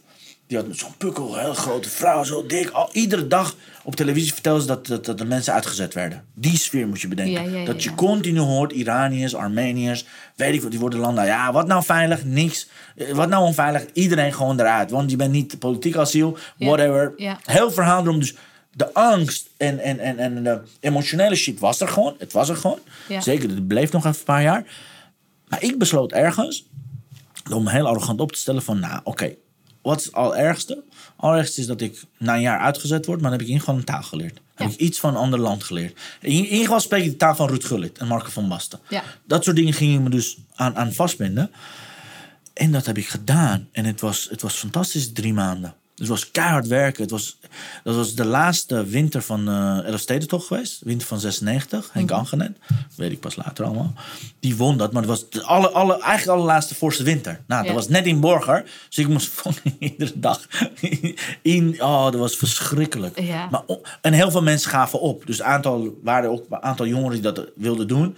Op een gegeven moment waren ze het niet meer na twee Nee. weken. Ja, maar dat is hartstikke Te koud. Ik koud, blijf wel het, hier. eh, ja. Oh, commitment, commitment. Ja. Maar ik Ja. was zo... Weet je, ik was erop echt gebrand om dat succesvol te maken. En wat er gebeurde, na Borgen word je naar een ander ding gezet. Die, om de drie maanden ga je ergens anders, word je zeg maar naartoe gestuurd. Daar kwam ik in Uithoren terecht. En ik denk dat het moment, dat is het tweede waar ik naartoe wilde. Heel lul verhaal. tweede moment twee, was... het moment, Het beslissing, moment, wat beslissing. hem hier heeft gebracht. Uithoorn. Eh, werd vanuit dat asielzoekerscentrum werden we naar een internationale school gezet naar Amsterdam. Vond helemaal niks aan. Er waren echt weer hetzelfde. Niet, ge- Marokkanen, Turken, Australiërs, Amerikanen. Engels. Voertaal was Engels. Ja. Iedereen weer zeggen dat de taal niet handig was. eh, dat kon je allemaal niet doen. eh. Berlage heette, heette volgens mij de collega. Die school. Hartstikke leuk. Goed voor zeg maar expats. Voor mij niet. Nee. En toen kwam de ontmoeting met een Iraanse vrouw, eh, mevrouw Nahid. Die leerde mijn vader kennen via het centrum. Toen zei ze tegen hem, dit is echt het moment, zei ze tegen hem... je moet stoppen om hem naar de internationale school te stoppen. Mijn twee dochters, ze woont in Hoofddorp, haar dochters wonen ook in Hoofddorp. Ze zitten nu op eh eh, 5 VWO, 6 VWO. Deze school, daar moet je heen. Mijn vader zegt, weet je, zeg, ja, laat hem niet zijn tijd verspillen. Want dan gaat hij accent van Turk overnemen, accent van Marokkanen. Blijft hij altijd een buitenlander. Gaat hij in die mindset. Ja. Dus die mevrouw Naid Genoem, I love you voor wat je deed. Zij, zij was eigenlijk de tolk die, oh, dat was het, ze was de tolk die met mijn ouders meeging naar, naar, naar, naar de rechtbank. Denk Oh, je, denk je, oké. wat was Dat de was relatie? linkje, dat ja. was het ding. Toen kwam ze natuurlijk, mijn ouders zijn heel gastvrij, kom lekker bij ons zitten. Toen zag ze wat ik allemaal deed. Ja. Zei ze, ga niet terug. Ik zeg, ja, ik vond het verschrikkelijk. Ik zeg, ja. Nederlands school, maar toch. Ik zeg, maar weet u het zeker dat ik daar kan? Ja, alles is beter dan daar. Je kan En beter hier een jaar, je kan beter hier een jaar gaan leiden. Dat je het verschrikkelijk vindt. Of dat het niet lukt of wat dan ook. Ja. Want die is altijd op. Die Ja. ja. kan je altijd. Want die didn't care. Ja. Dat had Ja. niet eens eh, degradatie had je niet. Je ging gewoon naar klas en naar je Nee. leeftijd. Eh, Ja. Die didn't care, snap je? Oh, mooi. Dus Fantastisch. Mooi moment. Absoluut. En de derde? Wat denk je? Mijn ontmoeting met Chantal. Ik geloofde niet in liefde. Ik geloofde niet in uh, soulmate. Soulmateship wel. Zielemaatjes. Ik heb het vaker ontmoet. En daar geloof ik echt in. Maar zielemaat, liefdesgebied, moeder van mijn kinderen ontmoeten. Nee. Niet voor jou weggelegd. Niet voor mij weggelegd. Ah, alle excuses van horeca, alle excuses van verhaal. Maar ook verlatingsangst, bindingsangst. Kijk maar, want ik kom uit dat. En ik heb eh, me emotioneel afgesloten van moeder, van mijn ouders. Ja. Dus ik in de shit, eh vier burn-outs. Nee, ik wil het niet. Nee, het probleem is, ik wil het niet. Ik ben het niet waard om van gehouden te worden, is als basisding. Maar ik wil het niet. Want waarom zou ik me committeren terwijl het zo makkelijk gaat? Terwijl ik overal eigenlijk mijn datingdingen kan doen. Ja, was ik af en toe mee bezig als ik wilde. Als ik niet wilde, deed ik dat niet. Ik had mijn appartement. Eh, als je dan zegt, oh, dat appartement van... Ik heb nog nooit in gekookt. Ik ging iedere avond naar mijn ouders, gewoon daar eten. Waarom zou ik in een appartement? Ik ging Ja. alleen maar slapen. Dat was echt een slapenhoek. Dus ja, ook altijd afspraken bij hen, zeg maar, thuis. Er kwam niemand, die is nog nooit een date bij mij geweest. En, en, en ja, dat was, dat was heel apart. En toen ik Chantal ontmoette, she, she, she pushed all my buttons, nog steeds. Verschrikkelijk. Hoe deed ze dat de eerste keer? Waar, waar, waar, waar ontmoeten jullie elkaar? Eh, eerste keer was, was het. Ik heb haar ontmoet via Relatieplanet. Het was haar laatste dag op Relatieplanet. Het was mijn eerste dag weer eens opnieuw bij Relatieplanet gaan kijken. Kijken wat er uh, rondloopt, whatever. En het was heel grappig. Ik had daar. Want ik ben vaker lid van Relatieplanet geweest. Maar ze herkende mij. Ze, ze ah, wist ja, wie. dat had je gezien. Nee, nu komt het. We hebben een gezamenlijke vriendin. Een van mijn toenmalige soulmates, zeg maar, met wie ik graag omging. Had over mij ge- eh, eh, gehad, eh, over haar. En ze had mijn foto herkend. Maar omdat ze een aantal andere profielen had, allerlei profielen, wist ik niet dat het dezelfde vrouw was. Ja, ja, ja. Dus na drie keer, toen zei ze, weet je, het is mijn laatste dag. Dit was haar bericht, het, was mijn laatste, het is mijn laatste dag op Raasplanet. Ik wil weten dat ik niet interesse heb in een relatie of wat dan ook. Ik zit heel druk te wezen. Maar ik weet wie je bent. Want ik ben een eh, hartsvriendin, eh, zij is van Joya. Dus ik, ik, ik, ik weet wie je bent. Ik wens je heel veel succes. En dat is wat ik wilde zeggen. Warm, uh, hartelijk groet, whatever, Chantal. Ze heet, op het profiel heet Suzanne. Dacht ik, verdomd. Ik weet dat ik iets over haar gehoord heb. Persback, allemaal dingen. Zeg, oké, maar, maar ho, ho, ho, ho, laatste dag. Oké, maar kunnen we niet een date? Nee, nee, nee, nee. Aankomt drie weken sowieso niet. Maar het is mijn laatste dag. Ik, ik heb het opgegeven, weet je. Ik Ja. vlieg lekker, ik heb naar mijn zin, al die verhalen. Ze heeft me drie weken aan de lijn gehouden. Echt zoals ze zei. Drie weken lang had ze haar eh, flight safety. Zeg, maar je gaat toch ook eten? Gaat toch ook lunch? Je kan toch mee lunch? Nee, nee, nee, nee. Ik ken je. Nee, ze heeft echt fucking drie weken dat En toen op eh, 10 december 2010, woensdagavond, eh, heeft ze mee ingestemd om naar Boom Chicago te gaan. Fantastisch. En toen zat ik nog op de Leidseplein. Ja. En ik presteerde om exact anderhalf uur te laat te komen. Wow, jij hebt lef, zeg. Yes. Ja, yeah, absoluut. Een Heinekoek afgesproken. Anderhalf uur te laat. eh, want ja, ik moest VIP-tickets regelen bij Boom Chicago. Maar ik was met de auto. Dus vanuit Horen daar naartoe in de file, wat dan ook. Maar ik wist, ik hoop dat ze bij Heinekoek blijft. Hadden om vijf uur afgesproken. Kom ik door, volgens mij half zeven, kwart voor zeven. Had ik eindelijk geregeld de dingen. Bij kwam ik daar. En je moet je voorstellen, ze heeft al een vier idee van mij. Ze weet al, oh, ze is een player of wat dan ook. ja. Dus moet je je voorstellen. Ze zat helemaal achter in de zaak. Ik ken Heinekoek heel goed. Helemaal achterin. Je moet je voorstellen. En ik kom vanuit de hoofdingang binnen. Ik ben in die tijd nog in, volop in de horeca. Bij de Arena, bij Hemkade. Ik ken... eh, dit is mij nog nooit gebeurd. Dit is eh, dan, daarna ook nog... Hey, Doet hij het nog? Ja, hij doet het nog. ja, doet hij het nog? Maar dan zegt hij dat die batterij overgaat. Of kijk, wacht even. Dan is het het waarde om te checken of die... Ja. Dan. Oh, ja. Sorry. Sorry, lieve, lieve dames en heren. Kijkers wil ik zeggen, maar luisteraars. Ik moest even de video opnieuw doen. Ja, beter. Ehm en dan ziet hij het goed. Zo. Zo, die is leuk, hè? Ja. Dus jij kwam binnen, een beetje tof doen. Met nee, nee, niet tof doen, maar nu, nu komt het. Normaal gesproken, f- als ik haast heb, ik loop gewoon zo naar de zaak toe. Was absoluut niet bedoeld om tof te doen. Maar ik kom binnen, komt een van de barjongens en zegt... Hé, hey, Arabiek grappie, Ja. hoe is het nou? Nog een Ja, lang geleden. Dit, dit, dit, dit. Ik heb jarenlang in, Am- ik heb anderhalf jaar in Amsterdam geweest. Dus daar ken ik van, ja, heel tof. Eerste. Tweede bediening komt. Hé, hey, wat, wat zie ik nou? Zit je hier gewoon bij ons? Waar zit je dan? Oh, je hebt zeker een date. Ah, grappie. Ben je nog steeds player aan het houden? Die sfeer kom ik gewoon ja, daarvan. ja. Zo slecht, jongen. Maar wat gebeurde er? Zeg maar, zij zat daar. Zeg maar aan het eind. En net daarvoor zit een ander stel. Een donkere jongen met een, met een, met een, met een vriendin. Nee. En die donkere jongen is hoofdbeveiliger van Amsterdam Arena. Ah. Dus die staat op. Grappie, waar was je? Kom je morgen? Want de West. Die begint dus een heel zo'n. Nou ja, drie, drie keer dus echt fout. En ik ga daar naartoe en ik kijk haar aan. Ze heeft daar choco met slagroom. Ze kijkt me aan. Ja, het werd tijd hè. Ik zeg, ja, sorry dat ik heb laten. Ja, kon je niet even laten weten? Nee, eh, ik moest dingen regelen. Oké. Nou ja, ik, ik, enige reden dat ik ben gebleven. Zag zo mooi uit. eh, Om je een hand te geven. Een groetje aan Joy over te brengen. Want ik ga nu weg. Genoeg gewacht. Dit heb ik alleen maar gedaan vanwege jouw vriendschap met haar. Ik dacht dat, dat, je, dat je goed bevriend bent met haar. Dat is het enige uit respect Ja. gedaan. Nu ga ik weg. Ik zeg, nee, dat ga je niet maken. We gaan dit doen. Ik heb dingen gezegd. Nee, nee, niet geïnteresseerd. Ik heb je al gezegd. Zit niet te wachten op wat dan ook. Al- Als we iets zouden doen, ik was alleen maar toch vriendschappelijk zijn. Want ik ben niet geïnteresseerd. Dit is, Ja. een heel leuk verhaal. Sorry, Chantal. heel leuk verhaal. En toen dacht ik, oké, het is klaar. Oké, ze pakt haar. Ik heb niet eens wat gedronken. Dat waren al tien, eh, tien eh, knoppen die ze had ingedrukt. En oké, ik, ik wil haar naar de bus brengen of wat dan ook. Dus echt, we gaan zeg maar richting... Als je bij Heineken weggaat, ga je naar het midden van het plein. En tegenwoordig is, eh, is Boom Chicago in die tijd. Dus enige wat ik doe, ik denk, nou, what the fuck. Ik, ben, ik heb het toch verloren, dit is toch gewoon klaar. Ik pak haar vol op haar mond. Ze ging me daar zoenen. Hé, ik heb niks te verliezen. En ze zegt, wat doe je nou? Ik zeg, ja, eh, mijn kans, enige kans dat ik met jou heb om je lippen te voelen is dit moment. Nee, dat kan je niet maken. Kijk, al die mensen. En ze is echt zo. Ze is echt openbaar. Heeft ze daar echt absoluut een hekel aan. Dat soort shenanigans.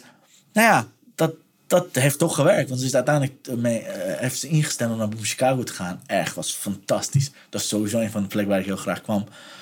Ja, toen is alles veranderd. De rest, alles wat ik kan zeggen, is gewoon geschiedenis. Ja, Die mooi. dag. Mooie dag. momenten. En mooi dat je ze helder hebt. Want heel veel mensen die Ja. eh, kunnen dit niet zo eh, even... Oh, Kunnen er niet zo bij. ja, absoluut. Hey Armik, ehm, verschilmakers. Yes, tell me. Jij vindt het belangrijk om het verschil te maken. Ik werk graag met verschilmakers. Vaak hebben ze zelf niet eens door dat ze het verschil maken. Mhm. Welke drie tips heb jij voor ze? Of welke, welke tip zou jij iedere eh, verschil maken die misschien nog een beetje in zijn schulp zit? Ja. Of die denkt van, god, ben ik dat wel? Of ben ik misschien dat muurbloempje? Misschien past het niet bij mij, weet je wel? Om Mhm. überhaupt, eh, wat is het verschil maken? Wat, wat voor tip of advies zou je, ze, zou je iedereen willen meegeven? Oké. Ik denk dat nummer één. En je hebt gespecificeerd dat het verschilmakers zijn, dus dat doen het. Alleen ze zijn niet bewust. Is iedere dag erkennen dat ze het zijn. Dus bewustwording. Kijk om je heen. Geef jezelf cijfers tussen 0 en 10. Hoeveel mensen heb je happy gemaakt? Ja. Hoeveel, hoe, hoe vaak heb je het verschil gemaakt? Doe, daar is Brandon Bouchard, die, die heeft drie van die vragen. Die, die they live, die they love, die they make a difference. Gewoon die vragen. Stel jezelf gewoon die, die drie vragen. Ja. Aan het eind van iedere dag. Dat is wat ik altijd doe. Aan het eind van iedere dag. Op zondagen nog iets breder. Mm alleen maar vraag jezelf af. Heb ik echt geleefd zoals Ja. ik wil dat ik leef? Niet je ouders, niet je partner, niet je Nee, kinderen. jouw leven. Heb ik, heb ik gehouden? Did I love? Heb ik, heb ik daadwerkelijk alles... Dat is voor mij is, heb ik een passie uitgevoerd. Heb ik van iemand... Snap je? Is er liefde geweest Ja. op die dag? En derde is, heb ik het verschil gemaakt? Ja. En ik denk dat die drie vragen ontzettend goede zelfreflectievragen zijn. Dan weet je exact waar je bent. En als je dat al bent, ga ik vanuit dat je het bent. Dan is het echt oefenen, oefenen, deze oefening. Aan het eind van iedere dag jezelf vragen. Did I live, did I love, did I make a difference? Zodat je bewust bent. Hey, want dat is, zelf van mensen zijn ze zich niet bewust. Nee. Dat is bewustwording is altijd één, awareness. En tweede is, ik denk dat je dat, dat die mensen moet, moet gaan geloven in, eh, in keer 100 of keer 1000. Ja. Dus kijk wat je iedere week kan doen om de impact en invloed die je hebt, keer 100 of keer 1000 te gaan doen. Klinkt heel veel, klinkt heel oh, aramiekachtig. Oh, Absoluut so huge. Absoluut niet Nederlands. You know, absoluut. So very, very American. Ik zou zeggen, maak je dan keer 100.000, whatever. Ja. Eh, ik bedoel, zie daar, misschien, misschien trap ik iemand onder de verkeerde scheen, weet ik van wat. Zie daar Ronald Trump. Hij maakt zijn hoogtepunt op zijn 73ste. Ja. Je kan alles over hem zeggen. Ja. Hij is biljonair geweest, weer miljonair, miljardair. Hij is alle, alle levels. Maar hij krijgt nu zijn hoogtepunt op zijn 73ste. Je kan alles van hem vinden. Kan Ja. alles, ik bedoel, heel veel boeken over, van hem gelezen en zo. Dus I, I, I love the guy. Niet als president, maar hè? ook als president, by the way. Maar niet als op die, op die context. Maar ga kijken dat je echt keer 100, zo niet keer 1000 kan. Of Ja. het nou business is, life, is, of het nou relatie is, vriendschappen zijn, netwerk is. Want er is zoveel meer wat wij kunnen doen Ja. met z'n allen. We beseffen ons niet als verschilmakers wat onze potentie is. Ja. Dat is echt, de potentie is zo keer echt 500 miljoen duizend. Dus als je dat ook, als zij het ook dagelijks zouden doen. Hoe kan ik morgen keer 100 gaan? Hoe kan ik morgen keer 1000 gaan? Of course gaat het niet bij mij ook iedere dag keer 100 of keer Ja, maar 1000. het geeft je wel de mogelijkheden en de keuzemogelijkheden. Maar ook visualiseren. Ik bedoel, Ja. ik heb in februari heb ik een event gedraaid van 400 mensen.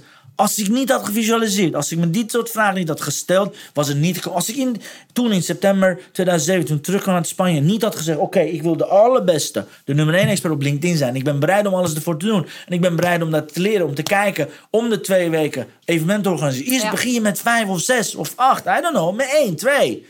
Daarna wordt het nog. Ik, als ik dat niet 28 september had gedaan, had ik niet 14 februari 2020 400 man gehad. Had ik niet. Nee. Snap je? Ook, ook qua mailinglijst, ook qua impact, ook community. Sommige mensen zeggen, ja, ik heb maar 10 man in mijn community. Zo, maakt daar het verschil. Zorg dat je daar 10 ambassadeurs krijgt. Zorg Ja. dat zij niet kunnen stoppen om je overal aan te bevelen. Want daar Ja. begint het mee. Ja. Alleen omdat de bewustwording niet is en we dingen te vaak te ingewikkeld maken, Ja. dan, dan, dan, gaan, dan ga je onderpresteren. Ik Ja. zou altijd oppassen voor onderpresteren. Ja. En check, als het nog beschikbaar is, absoluut de serie The Last Dance van Michael Jordan. Ja, absoluut. Check Ja, it hij is- out. Hij is Ik nog- heb- ik heb vorige week gekeken. Perfect. Ik heb eh, van de week, vorige week heb ik daar een blog over aangeweid van 10 redenen om het te bekijken. Absoluut. Ga je laten inspireren door mensen als Michael Jordan, door mensen als Brandon Bouchard, Tony Robbins. Ik bedoel, ga, ik bedoel eh, Johan Cruijff, Mark van Basten, you know? Eh, lees biografieën bijvoorbeeld. Lees Ja. autobiografie van grote mensen, van Napoleon of whatever. Think and Grow, think, think and, ehm, grow Rich bijvoorbeeld van Napoleon Hill. Of, Ja. Weet je, volg mensen die inspireren in plaats van klagen en zeiken. Ja. Want dat is wat we te veel doen met z'n allen. We gaan te veel richting dat verhaal. Ga kijken hoe je jezelf kan voeden, zodat je keer 100, keer 1000 kunt gaan. Want dat is waar die mensen mee bezig zijn. Als ze wakker worden, is oké, hoe kan ik meer impact creëren? Ik denk dat dat veel meer intrinsieke motivatie zal geven Ja. dan welk geld, winst, aantal klanten verhaal. Wat vinden zij van mij? Wat vinden zij van Ja. mij? Want kijk, obstakel is een obstakel totdat je passie het overstijgt. Heel simpel. Ieder Ja. obstakel is te overwinnen. Als je maar, ik bedoel, iemand zegt ja, ik kan niet 100.000 euro per jaar verdienen. Dan zeg ik oké, je hebt kinderen toch? Ja, je wordt nu gebeld. Pak je telefoon, je vrouw belt, die zegt luister, onze twee kinderen zijn ontvoerd. Die willen nu 100.000 euro binnen 24 uur. Ja. Hoe snel heb je die 100.000? Ja, vrij snel. En reken maar dat je het binnen een dag hebt. Ja. Dus het creëren van grootste waarom bij verschilmakers is ontzettend belangrijk. Anders, ik ken te veel verschilmakers die gaan onderpresteren, zichzelf onbelangrijk gaan vinden. Oh, moet ik dat wel? Maak ik wel verschil? En Dalai Lama heeft daar een heel mooi, mooi quote over. Als je echt twijfelt of je verschil aan het maken bent, hoe klein je ook bent, denk aan die ene zomeravond. Denk aan die ene mug die jou de hele zomeravond bezig heeft gehouden. You know? Als je echt daar op die level gaat denken. Ja. nou, die mug geloofde dat hij verschil kon maken. Zijn Ja. potentie kon vervullen door jou de hele nacht om wakker te houden. You know? Ja. Volwassen man. Honderdduizend Oh, keer groter. Kende ik niet. You know? Nee, Ja, fantastisch. Dus dat zou tip 2 zijn. En tip 3 is, ik denk dat je moet gaan masterminden. Er zijn te weinig verschilmakers, te weinig high performance, te weinig hulp, of whatever you can call it, die echt samenwerkingen aangaan, die elkaar aangaan, echt een front vormen. Niet een front als in, oh, we moeten ons verdedigen. Nee, juist om te aanvallen. ja. You know? veel meer in beweging, continu in beweging te blijven. En elkaar ook ehm, Ik, te ik- helpen daarin. ja, maar ook, eh, dan komt het misschien de trigger zichtbaarheid. Wees zichtbaar. Ja. Ga eens nou uit je comfortzone. Wees niet zo bescheiden. Heb je iemand geholpen? Is ze happy? Vraag een aanbeveling op LinkedIn. Nou, dat zou echt een directe tip zijn. Ja. Als je iemand hebt happy gemaakt, het is helemaal lyrisch over jou. Eerste wat je doet, wil je een aanbeveling schrijven op LinkedIn. Tweede is, ken je nog meer mensen zoals jij die kan helpen? Die twee hele simpele vragen. Je vergroot je netwerk, maar je werkt aan aanbevelingen. Het kan niet zo zijn dat de meeste experts die ik spreek... tussen de vijf of tien aanbevelingen hebben. Ah, van vijf jaar geleden bij een andere baan. Dan Ja. denk ik, hoe dan? Zelfs Ja. Brandon Bouchard en Tony Robbins hebben dat niet. Nee. Dat kan je opbouwen, zodat andere mensen gaan herkennen in je verhaal. En eh, met mastermind bedoel ik, zorg dat je zoveel mogelijk naar buiten gaat treden. Er zijn te weinig mensen die naar buiten gaan. Ja. Naar buiten treden. Dus te veel, Aan die keukentafel blijven veel te veel, veel te veel. Dus dat zijn mijn tips aan voor ze. Mooi, mooie tips.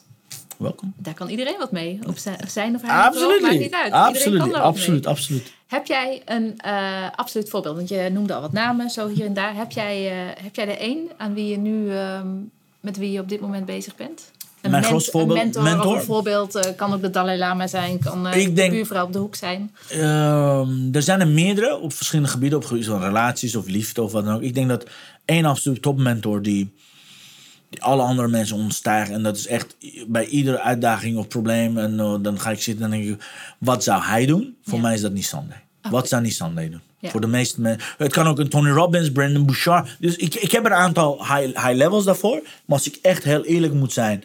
En één iemand mocht noemen die in mijn DNA zit, onder mijn huid zit Ja. op bijna alle vraagstukken die ik zou hebben, zeker business, zeker relatie, zeker netwerken, is Nissan daar absoluut, absoluut de top van. Daarom, ik zei het in het voor, voorbespreking, zei ik al, ik, ik heb nog steeds een online programma. Ik kijk minstens één of twee video's per dag van hem. Zit vol met goud. Oh, even een shotje, shotje niet. Shortje Nissan, terwijl ik weinig contact meer met hem. Ik, ik- Ja. ik ken hem al heel lang. We zijn vrienden. Bedoel, Het is niet dat we iedere week. Ik ben ook niet op de hoogte van zijn businessplannen, want hij is terug aan het komen. Maar op YouTube al dingen. Eh, dat, dat, dat, dat is voor mij absoluut top nummer één. Hoe hij zaken heeft aangepakt om vanuit een hele kleine organisatie. Meer dan zeven jaar, iedere drie maanden 1800 ZZP'ers te helpen. Ja. Eh, zeven keer 1800 keer vier is heel veel, Ja. denk ik. Ja. En die impact in dat zeven jaar, wanneer ik dat kan modelleren, wauw, dan mag ik doodgaan. Want dan heb ik dus een miljoen mensen bereikt, als het goed is. Ja. En dat that would be a great thing to do. Heb jij nu een missie in die richting? Ik heb nu gezet, eh, en dat, daar ben ik heel heftig in, ook 100.000 ZZP's per jaar. En 100.000 En wat is wil echt je heel veel. wat wil je Ik, ik, ik wil dat ze, hun- dat ze hun maximale potentie op LinkedIn bereiken. Oké, Dat ze geen enkele andere strategie hoeven te doen dan LinkedIn. oké. En net doen wat ik doe. Ik Ja. heb geen enkele andere strategie op geen enkele andere... Ik adverteer niet. Ik, you know... Ja, mijn community is op Facebook. Nou, dat is omdat LinkedIn-groepen niet werken. Maar LinkedIn is goud, man. Ik zou heel graag alle ondernemers daar kennis mee laten maken. Want... pff, en, en weet je wat, wat de grap is? Mensen zeggen, er komen met allerlei vragen, ingewikkelde vragen. Ik gebruik maar 5% van LinkedIn. Ja. Het is niet dat ik het volledig... Het is ook maar 5. Nee. Alles wat werkt, heb ik niet dat je er gemodelleerd. 40 uur per week mee bezig bent. No way, Nee. no way. Je kan met één uur per dag kan je het al gewoon doen. Ja. Dus dat, ja, dat is mijn doel. Ieder jaar 100.000 ondernemers helpen. Om zich te positioneren. Nu komt om Nederlandse als de nummer één expert. You know, niet als een expert, niet als een professional, niet als in-company trainer. Dan ben je afhankelijk van al die mensen. Guys, leer de lessen van Er is corona. ook een rankinglist. Je Ja, ja, zeker. zeker. Ja, ik ben op nummer drie. eh, in september ben ik uitgeroepen tot de top drie zeg maar, van de meest beïnvloedrijke LinkedIn en social selling trainers. In Nederland. In, in Nederland en België, Benelux. Oh, absoluut. Nou, niet verwacht. Was niet Dus deze september wordt het nummer 1. Yes, yes, absoluut. Als het dan niet is, dan, dan moet dat zeker gaan gebeuren. Maar dat is ook de positionering dat ik ieder ondernemer gun. Je kunt niet nummer 2, 3, weet je.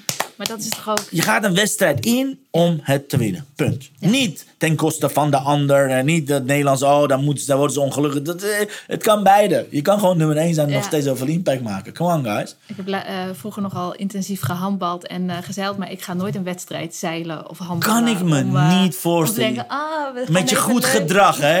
Het gaat om meedoen. Olympische Nee. gedachten. Nou, Bam, echt niet. erin, ja. De Dream Team 2 92, toen de Amerikaanse Dream Team daarheen ging met Michael Jordan. Die gingen echt niet vanwege gedachten hoor. Nee. Ik ken geen enkele topsporter. Die vraagt aan ieder judoka of weet ik veel, volleyballer, handbalster, Nee. voetballer. Die zegt ja, het gaat om het meedoen. Nee. Daar geloof ik allemaal niet in. Dan ben je hobbyist. Ja, zeker. Ehm, ja, Shoot. ik ben vast nog eh, dingen vergeten te zeggen, maar eh, ik, vind het, ik vind het als een mooi gesprek. Wat, eh, waar kunnen mensen meer over jou vinden? Misschien is het handig als ik ze een cadeau geef. Nou, we hebben helemaal, dames en heren, dit hebben we niet besproken. in dat het je het kader weet. van het in het kader van het geven. Eh, voor iedereen die heel graag op LinkedIn meer impact en invloed wil maken, ga naar www.aramiekonline.nl. Daar kun je gratis mijn e-book downloaden met 100 tips. Je hoeft niks te doen. Er zijn 100 tips. Je hoeft niks van me te kopen, guys. Denk niet, oh, ik ga van hem kopen. Al die dingen hoeft helemaal niet. Ga alsjeblieft dat e-book downloaden. Als je dat e-book hebt, heb je 100 tips om jezelf mega zichtbaar te maken. Leer ik je exact hoe je leads kunt maken, hoe je klanten maken, hoe je zichtbaar en boost gaat hebben. Maar vooral wat LinkedIn is als potentie. En als je maar 10% daarvan gaat implementeren, dan ben je er al. Ja. Dus ik denk dat dat voor de luisteraars een leuk iets is om mijn e-book te downloaden. En de rest volgt vanzelf. Don't worry about it. Ja. En uh, dat is wel mooi, want als al die mensen natuurlijk uh, ook die 5% gaan gebruiken, krijg je heel veel concurrenten erbij. Ja, ik hoop het. Ik hoop het. Maar ik, ik, ik, verlang naar concurrenten. Kom maar. Weet je, ik heb 140, 143 blogs geschreven.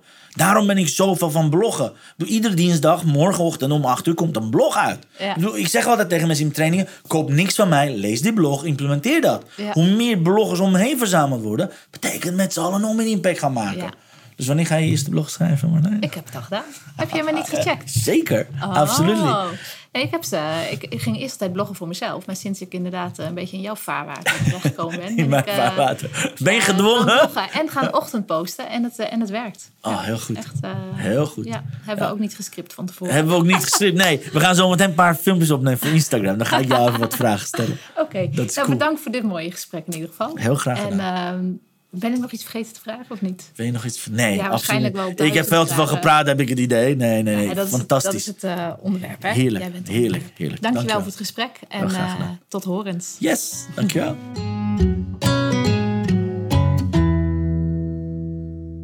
nou, lieve luisteraar, wat een mooi gesprek was dit zeg. Met absoluut mijn eigen favoriete stuk in het interview waarin Armik vertelt over die drie situaties in zijn leven die hem ja, die hem brachten tot het punt waar hij nu staat als mens en uh, met zijn bedrijf ook. En verrassend, en uh, daar hou ik van, de humor. Uh, waar, het moment waarin zijn vrouw hem vertelde na een nachtje samenwerken. wat voor een verschrikkelijke baas hij wel niet was. Nou, ik zou je willen vertellen, of ik, ik zou willen zeggen: vergeet niet je cadeau te downloaden. Op aramikonline.nl download jij namelijk gratis het e-book van Aramik. En uh, dat e-book heeft 100 LinkedIn-tips waarmee jij jezelf echt mega zichtbaar maakt op LinkedIn. En in het verlengde daarvan ook nog een cadeautje van mij.